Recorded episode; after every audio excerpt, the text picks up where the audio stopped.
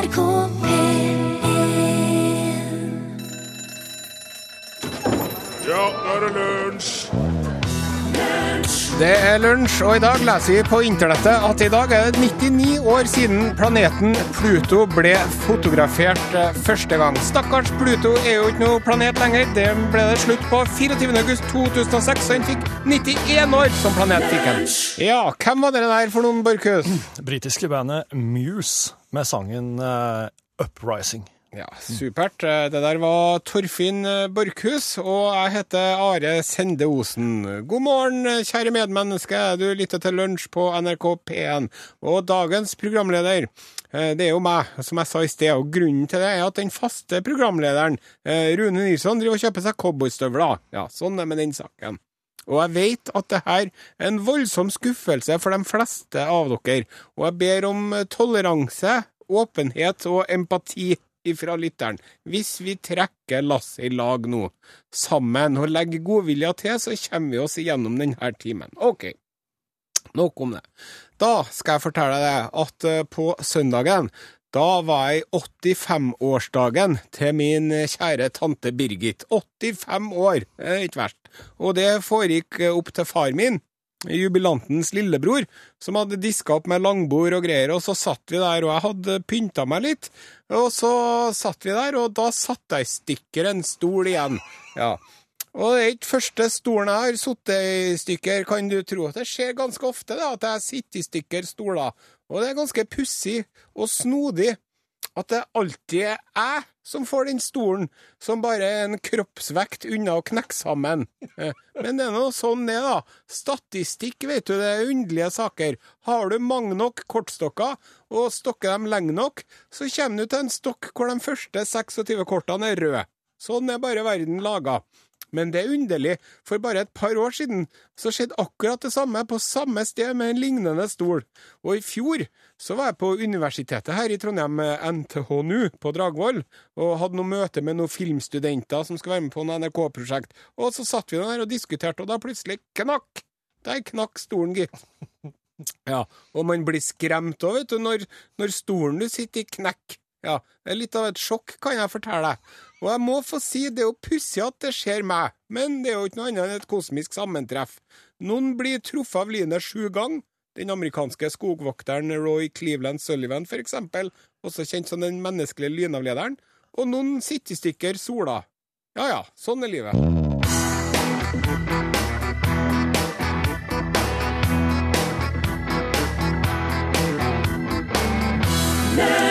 Takk til Raga Rockers. Låta heter Det søte liv. Og apropos Det søte liv, Oi. så skal det nå handle om eh, en eh, fantastisk frukt. Er du klar til å dra åpningslåten, eh, Borchhus? Ja, nå er jeg klar. Ja. Ananas, ananas, ananas, ananas, ananas, ananas, ananas, ananas Ja, OK, takk. Vi gir oss. Det var noen som skrudde av radioen, men uh, vi får håpe at de skrur den på igjen. Uh, nå skal det handle om ananas. Og det er så mye om ananasen du ikke vet, Torfinn, ja, det er at du vil ikke tro det. det, det aner meg. Vi kan jo starte med å avkrefte en urban myte. Ja, det kan fin- fint. De sier jo det, vet du, at grunnen til at det heter ananas på norsk, det at de fikk inn et lass, og så hadde de ikke noe plass å gjøre dem. Ja. Og så tok de noen gamle bananaskasser, Ja. og så tok de og malte over ben. ja. Det er ikke sant. Er det ikke det? Nei, det er ikke sant. Det er jeg helt sikker på at Rune faktisk har, har presentert som en sånn uh, finurlig fakta Ja, her en gang. men han Rune Nilsson han er en omtrentlig herremann som ja. driver og slenger ut meldinger Ja, uten å ha belegg for det. Ja. Fullstendig jeg, jeg, i meg motsetning. jeg kjenner meg litt igjen i, i beskrivelsen, men eh, ja. Nei, men du skjønner det at eh, ananasen den kommer opprinnelig fra Brasil. Det. Ja, det gjør han. Og så eh, tok indianerne sjøl og spredde den utover eh, oppover Sør-Amerika, Ja. og da eh, rundt i Karibien. Eh, På det, eh, det, det, det språket til de folkene som tok med seg ananasen fra Brasil, Ja. så het den eh, ananas, anana, og det betyr framifrå frukt. Ananas anana. An nei, den het bare anana. Anana. Anana, ja. Framifrå frukt. Og så var det på sin andre reise eh, til Amerika at en Christopher Columbus i 1493 kom til Guadalupe, og der fant han eh, ananas for første gangen. Det var i Guadalupe, ja. Mhm. Og det som var, vet du, at eh, på, i Europa den gangen, så var det ikke noe mye sukker å få. Hva? Nei, Nei, det fantes ikke sukkerplanter. Nei, og det søteste de hadde, var jo honning. Ja. Så eh, den der ananasen der, da, den var bare så helt utrolig deilig, da. Ja, det var det, godis. åh, det var så godt, vet du. Og eh, det var jo veldig, veldig vanskelig å få med seg ananasen i god behold over til Europa òg. Ja. Så derfor så var det en, en sånn luksusvare av dimensjoner at du vil ikke tro det. Nei. Og eh, den eh, engelske kongen, kong Carl 2., king Charles Ja. the second, Mhm. han lot seg avbilde i et offisielt eh, portrett mens han fikk en ananas.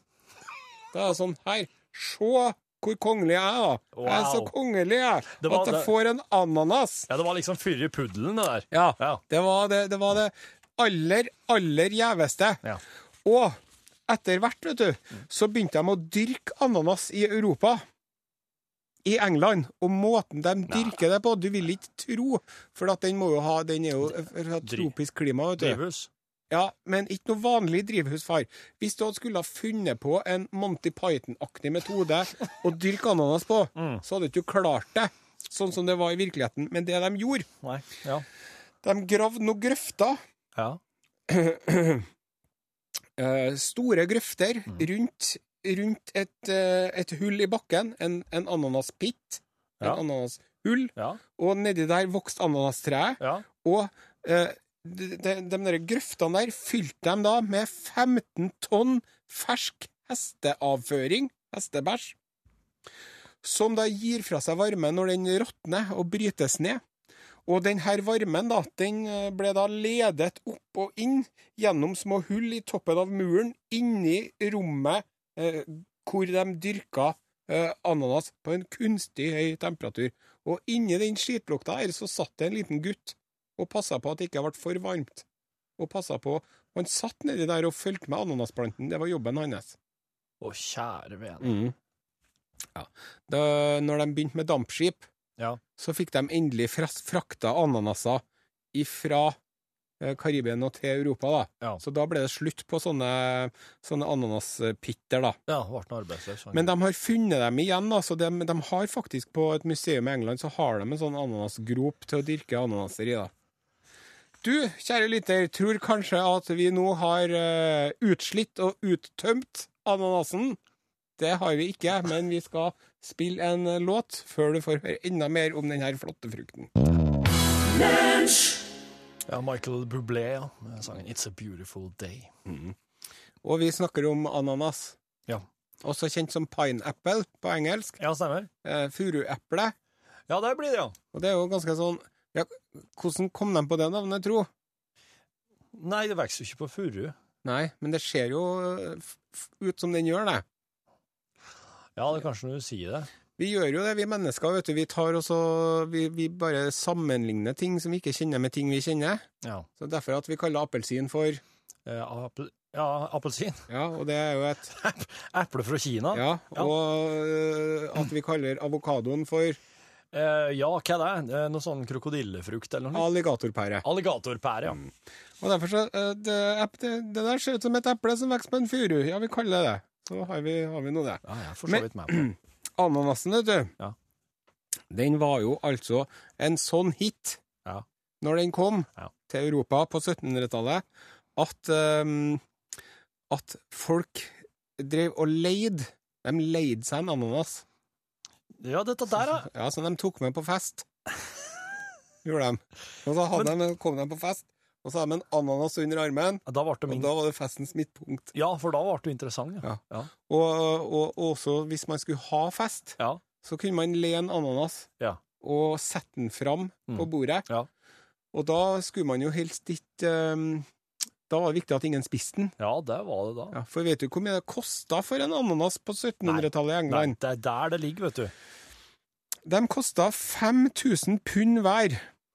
Og 5000 pund på 1700-tallet i England, det tilsvarer i dagens norske kroner sånn 40 000 kroner omtrent. Ja. Så du kunne kjøpe deg Så en sånn engelsk gentleman som satt i England, da, han satt sånn Ja, skal jeg kjøpe meg en ananas, eller skal jeg kjøpe meg hest og kjerre? Ja. For det koster omtrent like mye. Ja. Og så er det det, vet du, med den ananasen, for at du har merka det når du spiser ananas, mm. så blir det ofte litt sånn sår i munnen. Ja, det stemmer. Mm. Og det er fordi at det er et enzym inni ananasen, et stoff som heter bromelain. Og bromelin, da, det, eh, det er noe som, som eh, spiser proteiner. Ja. Så når du spiser ananas, Ja. så spiser ananasen deg samtidig. Jo, den etser vekk, eller den, den svir vekk litt av Tann- tunga di. Tannkjøttet og tunga. Men med en gang du har svelga den, så tar magesyra og, og ødelegger det bromelinet. da. Ja. Men det er veldig sunt, da, for at det er sånn bromelin og sånn, det er veldig sånn betennelsesdempende kvaliteter og sånn. Ja vel, så hvis du har en betennelse, så Så det er lurt å spise litt ananas. Ja, De er sier at det er veldig sunt. Ja, OK.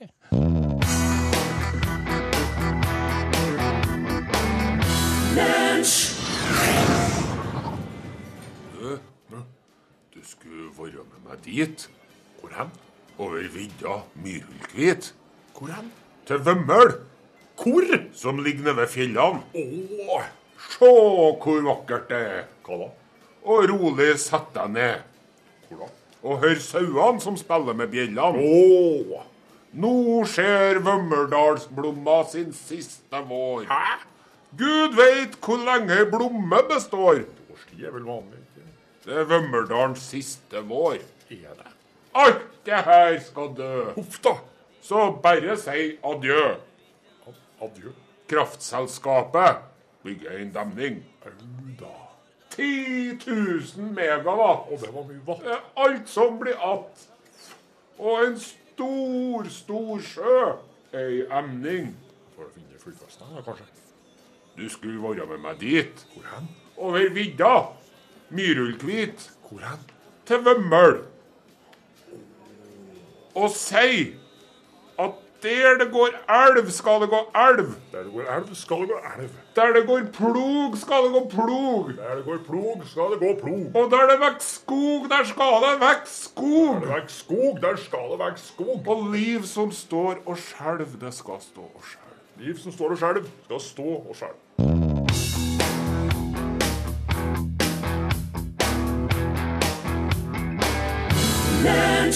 Takk til Harry Belafonte, Jamaica Farewell. Du hører på Lunsj på NRK P1. Og nå så skal det handle om fasten, og det er jo eh, i år mer aktuelt enn noensinne. Ja. Rekk opp hånda dem som er på to i 5-2-dietten sin i dag. Ok. Det var ingen her i studio, men det er nok en del folk rundt i landet som uh, går rundt og er litt sultne og grinete i dag. Ja. Fordi at de er på den der veldig populære 5-2-dietten. Ja, men du, vent da. Ja, hvis de er på to i dag, da, så Ja. eter, eter de ikke noe? Jo, de skal bare spise bitte lite grann. Ja, så da blir de sur, da. Da blir man litt sur ja, når blodsukkeret Ja. synker. Jeg skjønner. jeg skjønner. Og så er det jo også så at det er jo en del um, en del av lytterne, eh, katolikker kanskje, Ja. gresk-ortodokse, eller også en del protestantiske kristne, Ja. som praktiserer faste. Mm. Hva er fastetiden, eh, lurer du på? Jo, det, jula var helt til påske, det er ikke sant, det er ikke sant, for derimellom kommer fasten. Ja. Og den eh, begynte vi med dagen etter feittirsdagen, den 4. mars. Ja, ja for da kommer askeonsdag, Ja. og så Og så skal man da faste i, i sju uker. Ja. Eh, men søndagene regnes ikke. Nei. Så nå er det liksom faste fram til påske. Ja. Og det her er til minne om Jesus sine 40 dager i ørkenen. Ja. Um, mm. For da åt han ikke så mye. Nei, han gjorde vel ikke det. Han fastet jo i ørkenen, gjorde han, ja. Men, eh, men det som er, vet at det her med faste, det er jo praktiseres på forskjellig vis. Ja. For det er noen som faktisk ikke spiser fra soloppgang til solnedgang. Ja, for det er det jeg tenker på. Ja. Det er jo mer sånn som muslimene gjør Ja. når de har ramadan. Ja, stemmer. Men så er det sånn katolikkene, for eksempel, de skal helst ikke spise så mye kjøtt på onsdag og fredag. Og de har noen slike inndelinger, ja. Ja. Ja. Og så er det noen eh, katolikker som ikke spiser noen ting i de 40 dagene. Nei, nå tuller du. Jo, det er noen munker nede i Tyskland som heter paulanermunkene. Paulaner, det er jo et øl. Ja, det er nettopp det det er, vet du, Borchhus. Fordi at paulanermunkene dem de kom til München fra Italia i 1627, og så begynte de å brygge øl. Det var noe av det første de gjorde. Ja. Ja, og en av de mest kjente ølsortene sortene deres er en dobbeltbukk. Jaha. Oi, dobbeltbukk! Ja, ekstra mørk bukk, da. Ja. Eh, og den er veldig maltaktig, sier de, med veldig lite bitterhet. Og den vanlige dobbeltbukken den kan ha 7% alkohol, en slags eksport, med andre ord, Ja. men kan også ha så mye som 13 Ja. Og det de paulanermunkene gjorde når de fastet, vet du Ja. Det eneste maten de hadde i seg, det var dobbeltbukke. Ja. Den dietten kunne jeg vært på. Men så syns de jo at det her ølet, dette, sterk, dette sterke brygget med sine vidunderlige kvaliteter, det Ja, er ja, jo så godt. Oh, ja. Kan det virkelig være lov til å nyte det her nå i fastetiden? Og de begynte å stille spørsmål ved egen diett. Ja, de gjorde det. Ja, ja, ja. Så de sendte ei tønne med øl nedover til Roma. Ja. For å få paven til å bestemme det her. Ifra München til Roma. Ja. Jaha. Og det var jo antageligvis da på eselrygg eller noe. Mm. Ja. Og eh, over Alpene og eh, under Italias brennende sol, vet du, så eh, ble jo ølet skjemt. Ja, det ble surt og Ah, udrikkelig. Så når paven da fikk smakt det ølet der, så smakte det jo hestepiss, vet du. Så sa han nei, fysj, det her Hvis de virkelig vil drikke det her i, i 40 dager og netter, så skal de få lov til det. Ja. Så det kan man jo si ja, for de ølelskerne der ute. Det er, jo, det er jo bakgrunn for å kanskje drikke, drikke øl i 40 dager og 40 netter for å vise at man er et godt menneske.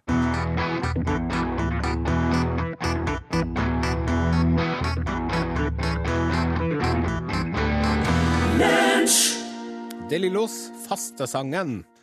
Jeg tenkte jeg skulle fortelle en historie om eh, et krigsskip som heter, heter USS William D. Porter. Det er det mest miserable krigsskipet som noensinne har seilt på Atlanterhavet.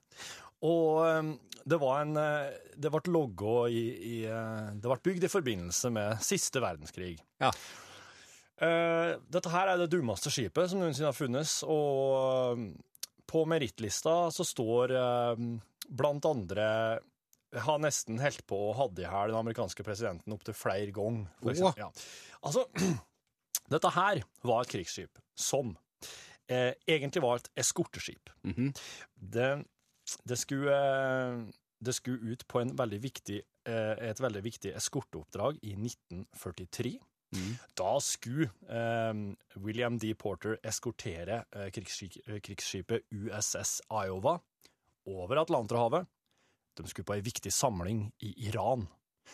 Om bord på Iowa, som Porter skulle eskortere, så var blant annet president Franklin D. Roosevelt og andre størrelser som skulle på et hemmelig møte med Josef Stalin og Winston Churchill. Ja.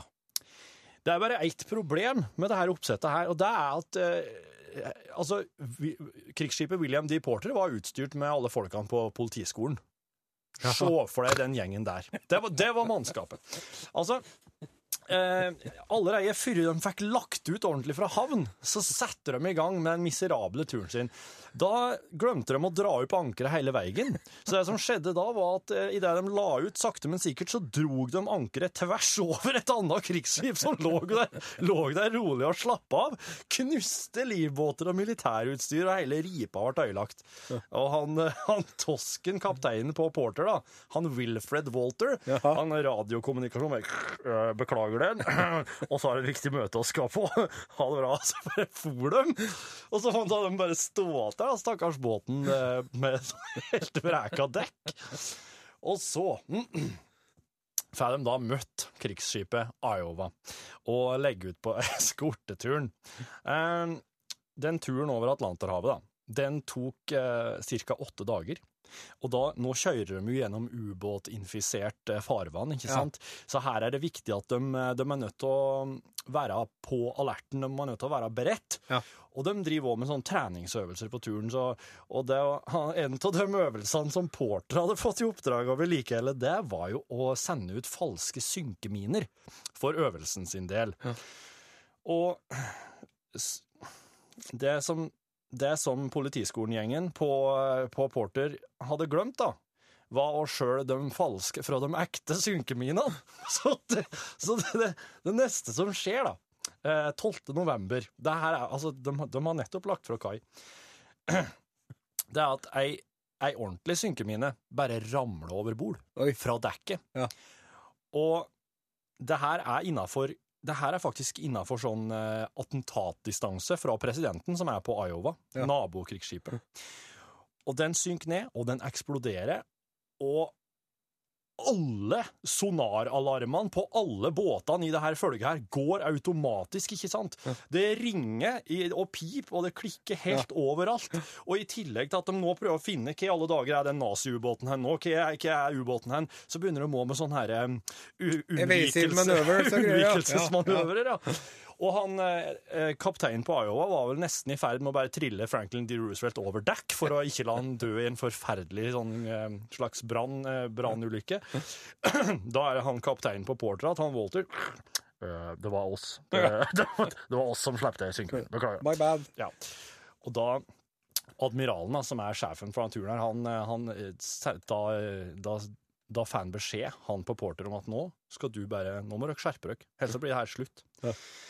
Og han Walter, kapteinen, han lover jo å skjerpe seg, men eh, det gjorde han jo ikke, for hvis ikke så hadde jo ikke jeg sittet her og fortalt dette her Nei. nå. For det neste som skjer, er at Franklin D. Roosevelt sjøl, han spør om den båten han er på Iowa. Kan ikke dere bare sette i gang litt sånne øvelser for å vise at dere kan forsvare dere sjøl hvis det skjer noe? Så da begynner Iowa-båten å slippe sånne ballonger som, skal, som de skal skyte på for å, for å late som de skyter på fly. Og noen av ballongene her kommer jo over det miserable krigsskipet Porter. Ja. Så da begynner de å skyte òg. Og da blir altså han kaptein Walter så ivrig at han bestemmer seg for at nå skal vi jammen sende ut torpedoer òg. Eh, tulletorpedoer, bare for å eh, helle, bare for å imponere. Og han bare Fire one! Vush, en, en falsk torpedo. Fire two! Vush, en falsk torpedo. Fire three! Vuff. Den siste lyden der, du hørte ikke det òg? Ja. Det var en ordentlig torpedo! Den sendte den rett mot Iowa, der president Franklin D. Roosevelt sitter og aner fred og ingen fare, og røyker en sigar og flirer med tanke på dumme nazister. Ja. Og der kommer det en torpedo rett imot. Så da er det slik at det her er jo krig. Franklin D. Roosevelt er med. Det er hemmelig. Ingen kan si noe om det. Ingen må si noen ting på radio. Så de, de kan jo liksom ikke bare De kan ikke bare ta opp walkietalkien sin og si det heller, at nå må dere passe den båten her, for nå kommer den også sendt torpedo. Så de prøver seg med lyssignaler da, Ja. fra Porter over til Iowa. Omtrent som om dette her er 1775, Ja. og de skal signalisere til sin uh, ull, kjær, kjærlig Jack Aubrey livskjærlighet. Ja. og Master and Commander. Ja, ja. Ja. Nei, så um, det går så langt som at eh, noen andre er nødt til å ta ansvar og, og bryte radiokommunikasjon og si at nå må dere ta høyre fort, Porter, hvis, nei, Iowa, hvis ikke går det her gale. Ja. Og de får akkurat gjort det. Torpedoen bommer. Da får altså Porter-skipet beskjed om å bare forlate Ja. konvoien. Kjør, kjør til Bermuda. Ja. Kjører de til Bermuda, der ble de arrestert av marinsoldater. Det er første gang et helt krigsskip blir arrestert når det kommer i havn. Og, um, og her blir de satt til straffarbeid. Og så, da, eh, når de er ferdig med straffarbeidet, så blir de sendt til Alaska. Ja. Der har de et viktig oppdrag. Porter har et viktig oppdrag i Alaska. Og når de har vært der en stund og får beskjed om å vende hjem til USA, så klarer de altså da eh, en natt der i fylla å skyte en granat rett over i Alaska-base, basesjefen sin hage. og der, sitter basesjefen og har en fin middag med, med kjerringa si og med flere venner fra basen, som sprenger hele hagen hans Ja. med, det, med kanonene på krigsskipet. Og, og nå, er, nå er altså Porter eh, på en måte det verste krigsskipet i hele flåten. Når, når det kommer seilende, så står andre og roper sånn Nei, ikke skyt oss, vær så snill! Ja. Og så er det et siste oppdrag da når de skal til Okinawa. Aha. De er i Japan. Der, eh, der klarer de så vidt å skadeskyte en annen vennligsinna båt. Ja. Før de får et oppdrag som gjør at de føler seg litt ovenpå igjen. Det som skjer da, er at eh, de eh, blir sett til å stå så langt unna kamp, kampens hete som mulig, og forsvare mot innkomne japanske eh, fly. Ja. Og de klarer seg nokså bra der. De japanske flyene de er jo bygd av papir og tre, mm. så de unngår radaren. Oh, Ja. ja. Mm. Så Og- men- kamikazefly sikkert, da. ja. Så det er ett av dem da, som kommer veldig nede. Porter klarer et par sånne unnamanøvrer, og flyet styrter. Ja. Og de jubler, vet du. Så fornøyd på Porter. Men det som skjer, er at et flyet her, det går under vann, og så fortsetter bana si under vann, og eksploderer midt under Porter. oi. Så hele krigsskipet Porter går rett til værs og, og synker tre timer etterpå. Ingen av besetninga dør. De, eh, de, måten, de overlevde nok for å kunne fortelle om det her miserable opplegget sitt. Ja. Så det var historia om William Herlighet. D. Porter.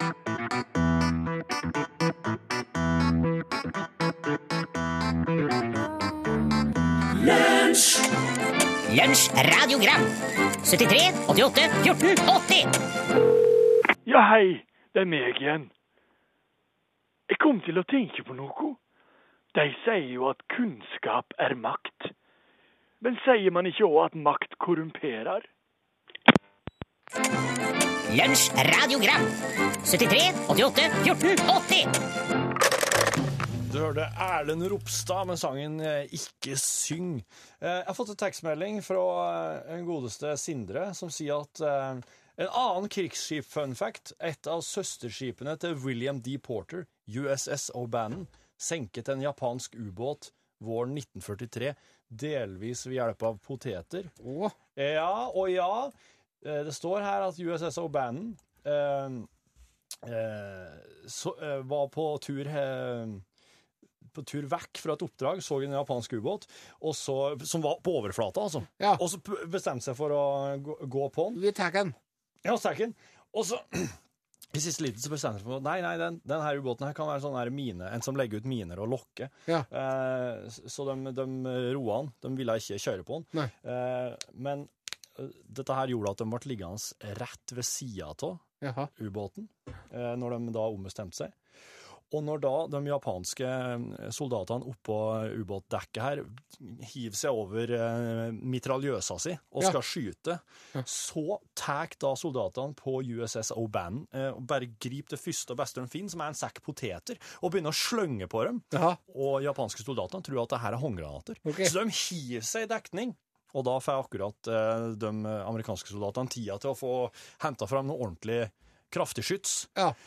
Så dagen var redda, i hvert fall for USA sin del i det tilfellet. Takk for tipset. Av for poteten. Ja, fenomenalt. Vi har fått besøk av en Pål Plassen nå, vi. Det er lenge siden jeg har vært invitert til eh, podkastintervju, eh, Torfinn. Ja, det er det. Ja, og du Du vet har jeg jo har sending mens oss har podkasting. Å ja. Du skjønner, jeg har ubegrensa kunnskap om andre verdenskrig, og jeg føler ikke jeg får utløp for det nok, i hvert fall, i norgesklasse. Du leser mye. Ja, Ja. Nerda veldig mye. Jeg ser også på den her, på TV den her Er det Discovery, tror jeg? Eh, Der du kan følge livet om bord på et eh, amerikansk hangarskip. Ok. Ja. Det er en never-ending story, for å si det slik. Det, det, det blir jo ikke Du kan jo lese og lese andre verdenskrig-litteratur, sikkert aldri gå tom. Ja, Det hadde vært interessant å måle antall hyllemeter som fins Ja. med andre verdenskrig-litteratur. Ja. Ubegrensa, tror jeg. Jeg har, eh, jeg har, du har åpen invitasjon Tusen takk. til å komme og fortelle alt du vil om andre verdenskrig. Eventuelt kunne også legge inn en søknad om å få et eget program. Det kan bare hete andre verdenskrig med. Pål Plassen. Ja, det tror jeg. Jeg tror faktisk det er noen som ville hørt på det òg. Du, i Norgesklasse i dag, for å bli litt eh, ordentlig igjen, eh, det skal handle om eh, innloggingsfrustrasjon. Eh, I dag var det jo noen som kunne sjekke skatten sin, og så var det noen som ikke kom seg inn. Og med en gang så ble det støk. Kommer jo ikke inn og får sjekka det der med en gang, og da er det helt 101 ute, da. Eh, Men hva er det med oss mennesker i 2014 som har blitt så gærne når vi eh, får komme oss inn på å få kjøpt kinobilletter, få sjekka om en pakke er på vei til oss i posten, altså hvis passord er feil Du har jeg tror også har fått en sånn utålmodighet i kroppen, og det skal det handle om i Norgesklasse i dag. Kjenner jeg. Kjenner jeg. Du kjenner igjen. Det er bra. Blant annet. Aller først nå, nyheter ved kollega Anders Borg. Ja, der sa han et sant ord. Hei og vel møtt. Kontoret eh, er okkupert av en stykk eh, trondheimsgutt ved navn Are Sendosen. Hello! Skal vi se. Jeg må bare få litt mer It's been a hard Hører alltid når du slår gitaren, så høres det ut som åpningen på Hard Days Night. It's been a hard day Ja. Ja, det er nå ble ikke helt. Ja, men jeg Ja. er med på det. Ja, eh, det er tirsdag den eh, 19. mars. Ja. Og i morgen, da er det den 20. mars. Ja. Og da vet jeg det at Kviteseid-smøret i nærbutikken min går ut på dato. Og hvis Nei, det da ikke er utsolgt, så selger de smør til halv pris. Så jeg skal innom dit first thing in the morning, for å si det sånn. Ser ut som du har eh, kjøpt smør og nesten fått betalt for det. Ja. Nei, det er så supert, vet du. Ja. Og så har jeg jo også nytt stor suksess med svineknoke de siste dagene. Ja. Siste ukene. Ja. Det er godt, det. Ja, for du hadde en, eh, du hadde en røkt og krydra en som du hadde putta i Ja. Jeg vet jo det at uh, das große Feinschmecker Ja. Rune Nilsson mit seine gigantische sous vide-Maschine Ja, ich weiß es. ist nicht imponiert. Nein. Eh, Warum nicht? Er hat selbst gekrydret und salzet seine Knoche. Knoche. Aber Ah. ich äh, kaufe ein äh, gerökte und gesaltete.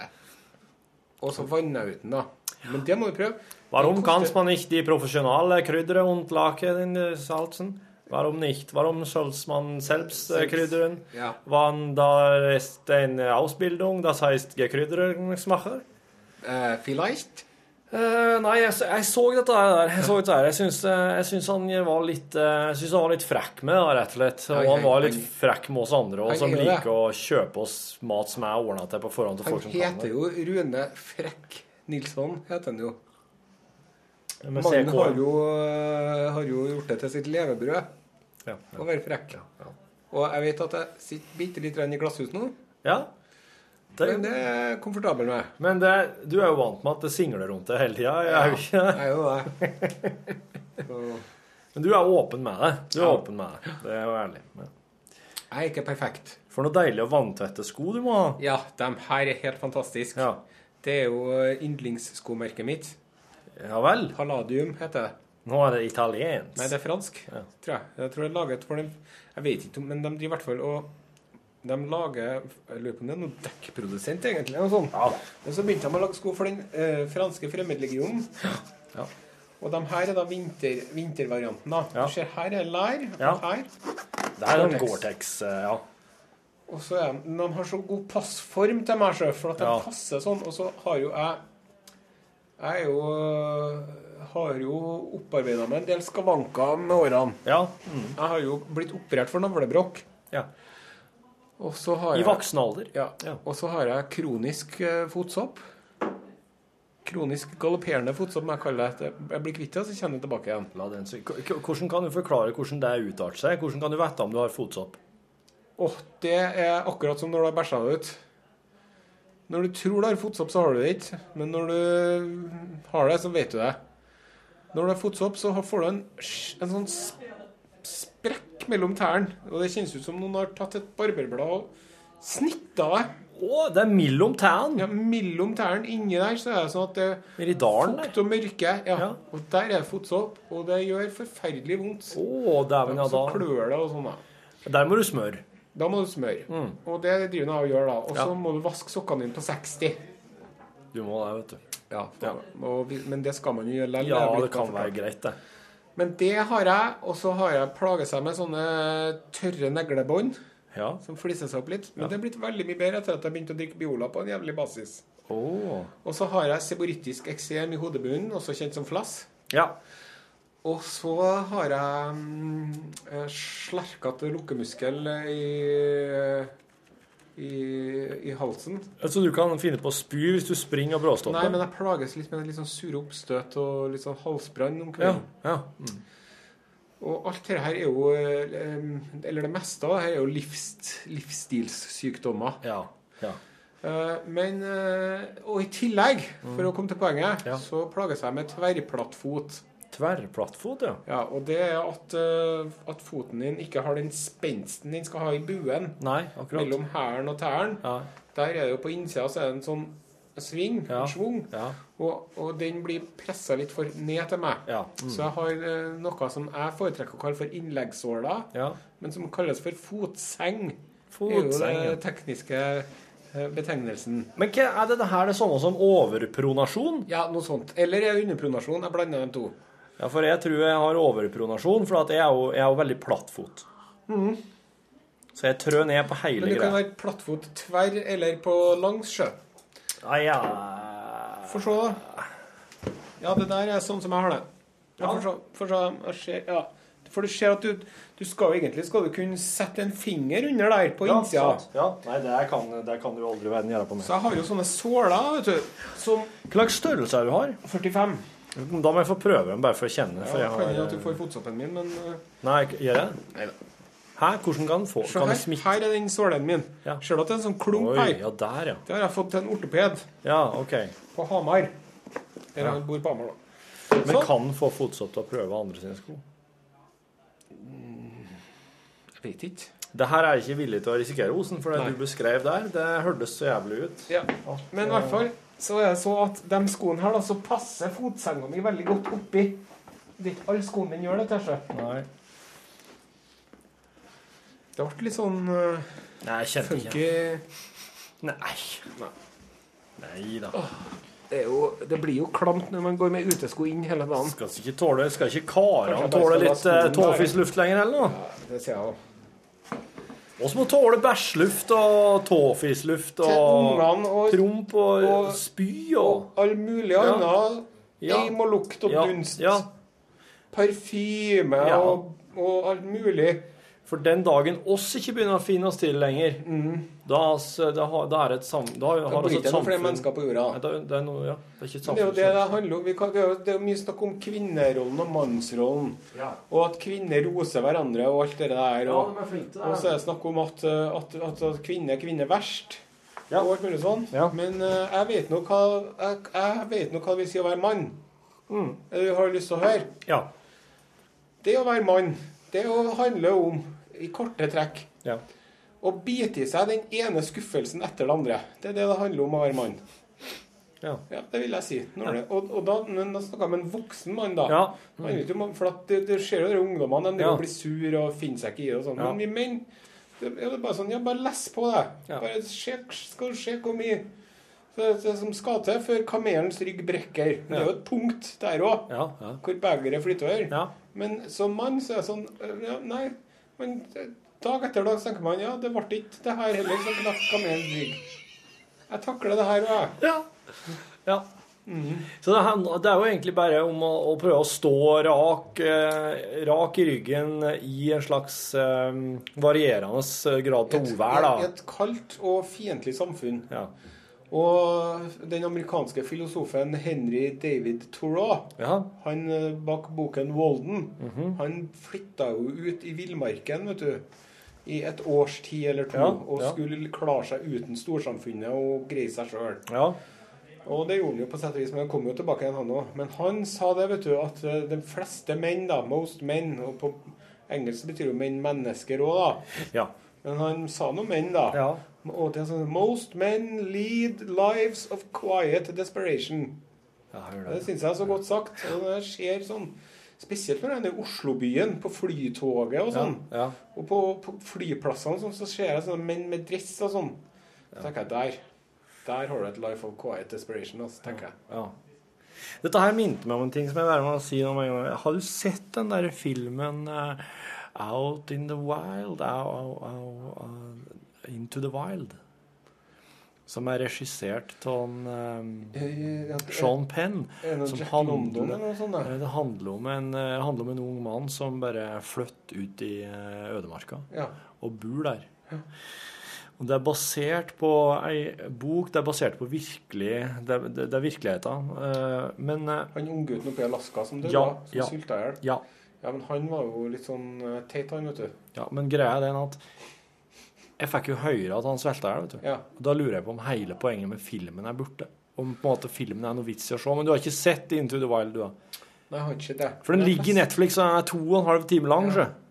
Jeg leste den filmen, men det var litt sånn Men det som var problemet Det har aldri skjedd med en fra Norge. Han hadde ikke noe kunnskap, forstår jeg. Han hadde ikke noe kunnskap, for at han Nei. hadde ikke Han, han døde av feil og, eller underernæring. vet du. Han hadde sånn kaninsult eller et eller annet. Han fikk for lite mat i seg, rett og slett. Ja. Han trodde at han bare skulle ha spist bær, men det vet vi at det går jo ikke an. Nei, du må ha mer enn bare bær, ja.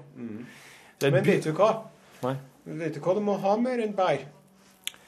Du må ha Hvalkjøtt og sel. Jaha. Ja, og vet du, hva, vet du hva de har funnet ut? De måler vet du, på sånne eskimoer i Grønland. Ja. En eskimo, en 70 år gammel eskimo på Grønland, Ja. han har karsystem, han. Som en 19-åring fra Norge. Hæ? Ja. Og de lever jo av sel og hval. Og hval og sel det smaker ikke noe godt. Det er blitt beskrevet som eh, bildekk dynka i tran, eller påtente bildekk med tran, eller det er sånn. Det er ikke noe veldig godt, da. Ja. Men de eskimoene som bor nede i København og spiser vestlig kosthold, ja. de, eh, de har akkurat de samme kar- og hjertelidelsene som vi har. Men det er ikke et menneske på Grønland som har hatt hjerteinfarkt på Grønland de siste, siden de begynte å måle her på 70-tallet. For at de får ikke. De får det ikke. Jeg tenker at det er veldig feit mat. Det er met. Ja. Og så er det sånn fisk, sånn havfett, da. Ja. Havfette. Sånn tran, omega-3 og 6 og sånn. Ja. Sikkert. Slik som bare er med å smøre tarmene, som um, Yes. sier. Ja. Og de har sikkert veldig sånn fin og fast avføring òg, vil jeg tro. Helt sikkert. Men de drikker jo de drikker jo som faen. Ja, for det er jo veldig Ja, jeg liksom min fordom eh, det, altså det jeg har hørt der på mørkesida, er at det er for, er sånn utbredt alkoholisme. Ja, det er nok det. Men hvis de fortsatt kan drive og være 70 år og ha karsystem som en eh, 19-åring. og være alkoholiker Men det er noe annet, vet du, som jeg Og det, hvis vi nå holder oss litt sånn attmed sjøen, da så Ja. Det er noe som de kaller for det japanske paradokset. Hva kjører de? Skal jeg fortelle deg hva japanske paradokset er? Ja, det må det. Det er at i Japan er mange flere som røyker enn i resten av verden, enn i Vesten. Er det? Ja. Nesten alle japanerne røyker. Men det er nesten ingen japanere som får hjerteinfarkt eller hjerteproblemer der heller. Hjerte-karsykdommer fins ikke. En sånn lunge Ja, jeg tror ikke det var noe mye av det der. Ja, men hvorfor ikke? Nei, det, er det, det er jo det som er paradokset. Det er det som er paradokset. Og det er jo for at jeg spiser så jævla sunt, antageligvis. Og så kan det jo være noe sånn arvelige greier eller et eller annet. Ja. Det er bare å google. 'japaneseparadoks'. Japaneseparadoks.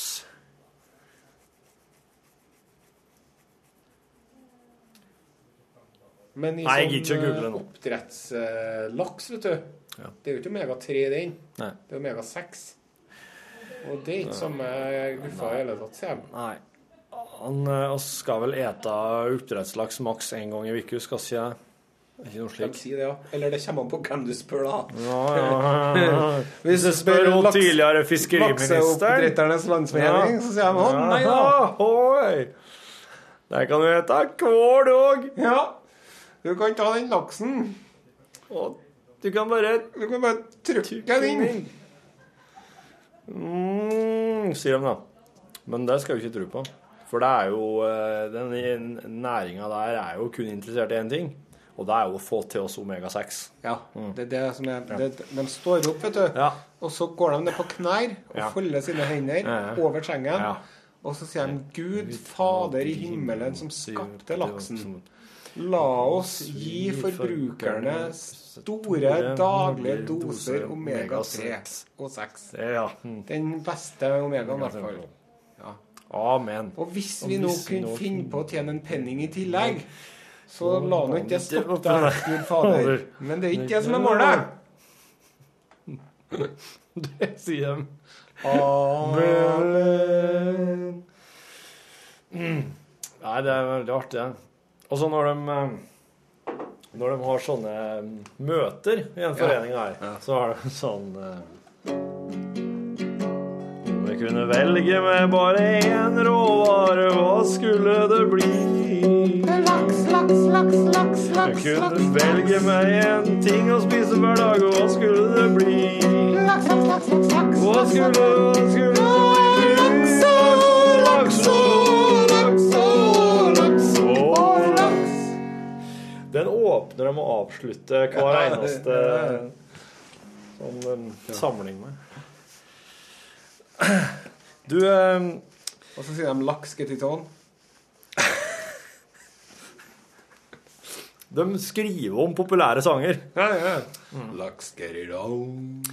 Vet du hva de, vet du, hva de kaller en laks som eh, har blitt uh, tatt opp fra oppdrettsanlegget og så undersøkt eh, med diverse analprober og lys inni øynene og vonde ting, og så kasta uti igjen? Analaks. En relaks. relaks ja.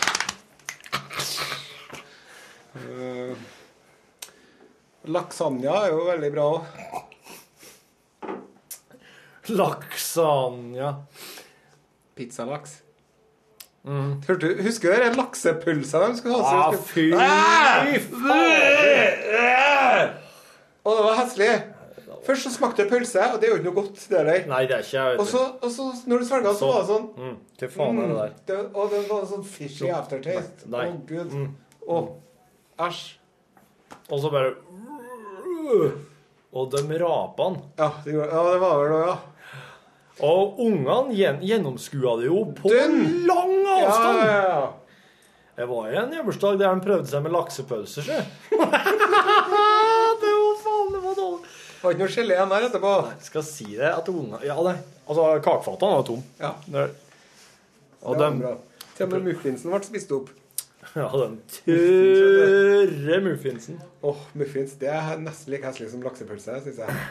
Sånn, og det, vi, vi driver jo i sånne Når det er sånn foreldremøter og sånne sammenkomster på skolen og sånn, Ja. så og da er det jo det med tidsklemma, vet du. Og da er det jo en eller annen driftig mor eller far, Mm. Ja. tror dere det er en mor, oftest, Ja. som rasker med seg en sånn Mm. pose med muffinsmiks. Ah. Men, men også på sånne cupcakes-restauranter og sånn. Ja. Heslig. Altfor mye smør. Se på hånda her? Fem hånda her? Fem fingre. Den, dem Jeg har ikke smakt gode god muffins så mange ganger engang. Nei. Nei, det har jeg. Men det har smakt det. Ja, det har jeg I bakeri. Ja. Men sånn når den sprekker litt, og så er det Ja. kanskje litt kanel og noe eple og noe greier og sånn. Åh, Kanskje det er litt må- flytende karamell Ja. her, og- noe pekannøtter. Ja, pekan, ja. Ja, ja. Hvis, Så- hvorfor kan ikke jeg når pekan? Ja, ja, ja. Nei, så det skal de ha, men jeg syns, eh, jeg syns at eh, når det gjelder muffins, så har folk eh, veldig mye å Altså, det virker ikke som de har noe respekt for faget. Ja, og så må jeg få si det. Laks er laks vi får komme tilbake til det igjen, da. Ja, laks er laks. Ja. Og pølse er pølse. Ja. Og pølse er noe greit til sitt bruk. Ja. Og laks er noe greit til sitt bruk. Ja. Men de, det er jo en grunn til at de ikke serverer laksegelé. Ja, Til dessert ja, ja, ja. Og det er sånn at når du liksom skal Når du skal kamuflere noe sånn at du ikke skjønner hva det er Det er da Hva? Hvorfor det, liksom? Mm. Da jo, hva som er galt med grisesnute og bryst og nese? Det er jo det er pølser stort sett.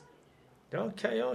Hva er det som er galt med pølser i utgangspunktet? Kan ikke bare lage pølse, sunn pølse ja, på sine premisser? En god pølse av Ja. kjøtt og godt fett. Ja, En sånn grov pølse Ja. sånn som de har nede i landene. Ja. Det er ikke, det, tror ikke det er, det er ikke farlig for ungene. Nei. Og laks i sin, i sin reneste form, det har jeg jo inntrykk av at unger liker Ja, gjør i, i stor grad. Glefser i seg, vet du. Ja. Så, men du har jo Det er jo ikke unger som sitter og finner på at å, nå skal vi lage laksepølse. Det er jo voksne folk. Ja, det er. Og voksne folk, de Det er er noen svin. De er noen svin. Og de er kun ute etter penger. Ja, sant? Ja, det er Ja. Det. er jo det. Det er det eneste som styrer. Ja. Så, sånn, så snart at du vet at noen driver Hvis noen jobber i en slags forretning Du er jo kun ute etter å tjene penger, du! Kan du si Ja. da. Og du kan si det med loven i hånd. Og, med, og med, ikke minst med, med, med hjertet i halsen. ja. Ja. Du, vet du hva? Jeg ser vi har jo en skarv her på kontoret. Stemmer. En utstoppet skarv. Ja.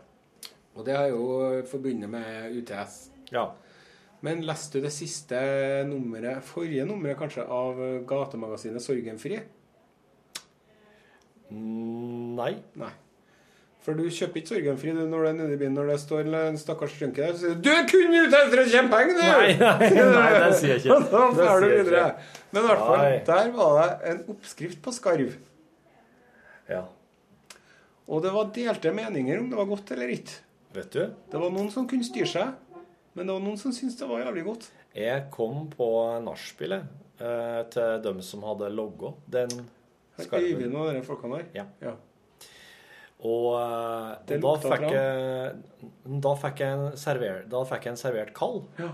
og da var all den smaken borte. Det var kjempegodt. Ja. Når, så når den eh, skarvegryta hadde blitt kald og ble servert som nattmat på nachspielet Det var jo nattmat, da. Og det var Det nachspiel, var jo da. nachspiel, da. Hvis Så, jeg eh, skulle ha ja. tenkt på det jeg har spist på nachspiel, ja, og sagt mm, det var godt Ja. ja. Men i hvert fall så syns jeg da den smaken var borte, og det er jo litt jf.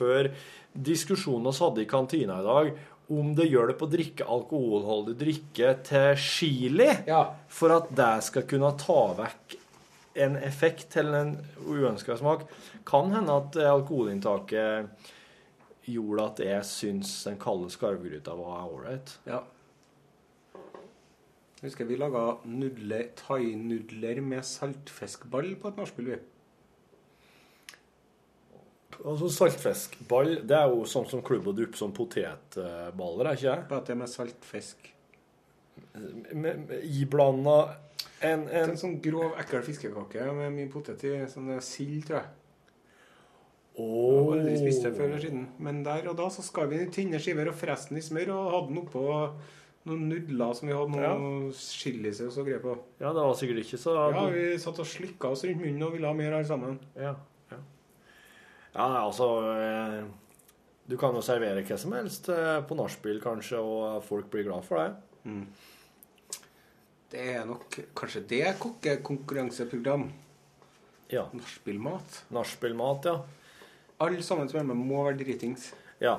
Og så, så må det ikke være sunt. Nei, nei, det sier jeg. Sunn nachspielmat, det syns jeg er noe ting. Ja. Det mister interessen med en gang. Vi tar fiberet, starter med å ta posen med kli, og så kaster vi den i søpla. I fylla. så utover hele gården. og så kommer Hellstrøm og sklir. Ja. Eller Hellstrøm er kanskje ikke med her. Nei. Eh, her må vi ha inn eh, Men du, du- tenker kanskje Vardøen? Han har laga fyllemat, han Hellstrømmen òg, da. Ja, det er han helt sikkert. Han er jo glad i god vin. Ja. Og det er Ja, ja. må jo tro det. Jo, han svinger sikkert kniven på natta, han. Og du vet jo hva han Hemingway sa om det der? Nei? Right drunk, edit sober. Ja. Så artig. Ja. Jeg la oss en sånn minnetekst etter Hunter S. Thompson, som en kompis av han skrev. Han plasserer Hunter S. Thompson helt oppe der i lag med Hemingway og co. vet du. Ja. Sånn, eh. men jeg syns det, det, det beste eksempelet Eller mest, eh, det mest tankevekkende utsagnet om eh, skrivekunsten og, og måte, metode jeg har lest noen gang, det tror jeg må være Hunter S. Thompson sjøl når han sier at all, alle forfattere må prøve å skrive 'Den gamle mannen og havet'. Bare for Ja. å kjenne hvordan det er å skrive det. Ja. Altså, du sitter og leser den samtidig som du skriver det. Han skrev jo på maskin, da. Ja. Altså, nesten som at når du skal bli, hvis du skal bli en god musiker, da, så må du synge covers. Ja. Og synge coverlåter. Ja. Så han mener at det heller ikke bare å sitte og lese det, heller, du må kjenne det i fingrene. Ja. Hvordan er det egentlig å skrive det her? her? ja. Det syns jeg var et eh, veldig kult eksempel. Ja. Og i lys av at vår venn eh, jeg vet, jo, du Kjenner du Frode Sandrøyen? ja, ja. At han nå er Samuel Bjørk, og at Ja. han nå er en eh, Millionær. millionær, millionselgende forfatter. ja, det var artig. Så er det jo sånn at jeg tenker nei, nå må jaggu jeg begynne å skrive Ja, fy faen. Men uh, vet du hva Kurt Vonnegut hadde å si om den gamle mannen og havet, da? Og nå kommer det, vet du. For en Kurt Vonnegut han hadde snakka med en sånn gammel eh, fiskermann han hadde truffet bort på Cuba eller nede på Florida eller hvor det var. Ja. Så han truffet en sånn fisker, så hadde han fortalt den der om den gamle mannen og havet som dro med seg i fisken, og så kom han hjem, og så var alt spist opp av haiene og haiene og fuglene og Det er jo kanskje et bilde på Ja. eh, kritikerne sin mottakelse av den forrige boka hans, eller noe av det der, så Ja. kanskje. Men i hvert fall, han der fiskeren da, han mente nei, det var det dummeste jeg hadde hørt, for det han hadde gjort. Han hadde skåret unna de feiteste stykkene og lagt om bord i båten og latt gjellene og beina og finnene og huden bare ligge. Så han tatt med seg liksom det kuleste. ja. Så hadde det kunnet ligget der og vært lokkemat for Ja, så kunne resten bare kunne sånn, bare latt det bare seile sin egen sjø. Ja, Så for da, bare tatt med seg opp i båten sin det som en uh, indrefilet, om du vil, da. ja, for da hadde jo ikke, hadde jo ikke kommet og nyttiggjort seg hele det jævla dyret. Nei, på hadde ikke vet du. Nei, så det var nok et bilde på noe, på noe mer, det der, da. Ja, det er jo det. Ja. Men det er jo sånn, du skal jo ikke eh, Du kan jo ikke Du kan jo ikke behandle litteratur som om det er ekte. For da hadde det ikke vært noe artig. For da hadde jo han skåret av indrefileten og rodd hjem. Nettopp. Og det hadde gått bra. Og så hadde jeg også stått sånn Så måtte Tarzan avbryte jakten etter eh, nazityskerne som hadde stukket av med Jane, for han måtte på do. Ja, sant. Og så, så, så, så lå han og sov i åtte timer. Og alle som har vært ute og sprunget og vært dritnødd, eh, har, har rett og slett måttet ha kjent på den, den låsen som oppstår i kroppen. Det er akkurat som at låsen går på. Det er noen som setter på en rattlås eller håndbrekke, og du må du stopper helt opp. Og hvis du ikke da får vrengtøyet og setter deg ned, så driter du, og du, du fyller buksa. Du fyller hvert buksebein. Ja. Og hvis du har sokker som du har tatt utapå treningsbuksa, Ja. så vil driten fylle seg ned til der treningsbuksa stopper i sokken. Ja. Og så vil det ligge rundt åklene dine Ja. som en slags skammens leggvarmer, om du vil. Ja. Du, gitt hva dette er nå til slutt her. Det det det er en strikk. Svart strikk. Og hva bruker man den strikken her til? Uh, det er kanskje inni en anorakk eller noe? Ja, det er ikke så langt unna. Inni en hette? Nei, På, på det jakke? skal lenger ned. Skal lenger ned, ja. Bruker, bruker den ikke i livet? Nei, enda lenger ned. Ja, Du bruker den på sånne her eh, gamasj med slike s- snøsokker. Ja, ja, ja, ja. For dem hadde jeg trampa synd. Så har jeg jo kjøpt slike i løsvekt. 15 kroner kosta den her. Hvem da? På den der sportsbutikken som ligger nede i Munkegata. Akkurat, ja. Nå må vi avslutte. Ja vel, ja vel. Takk for i kveld. Ja, takk for i kveld, ja. Takk for at du har lasta ned podkasten vår, og riktig Takk god eh, Helg. tilstand. Helg eller kveld eller, eller morgen eller dag. Alt godt for oss i hvert fall. Ha det. Hør flere podkaster på nrk.no podkast.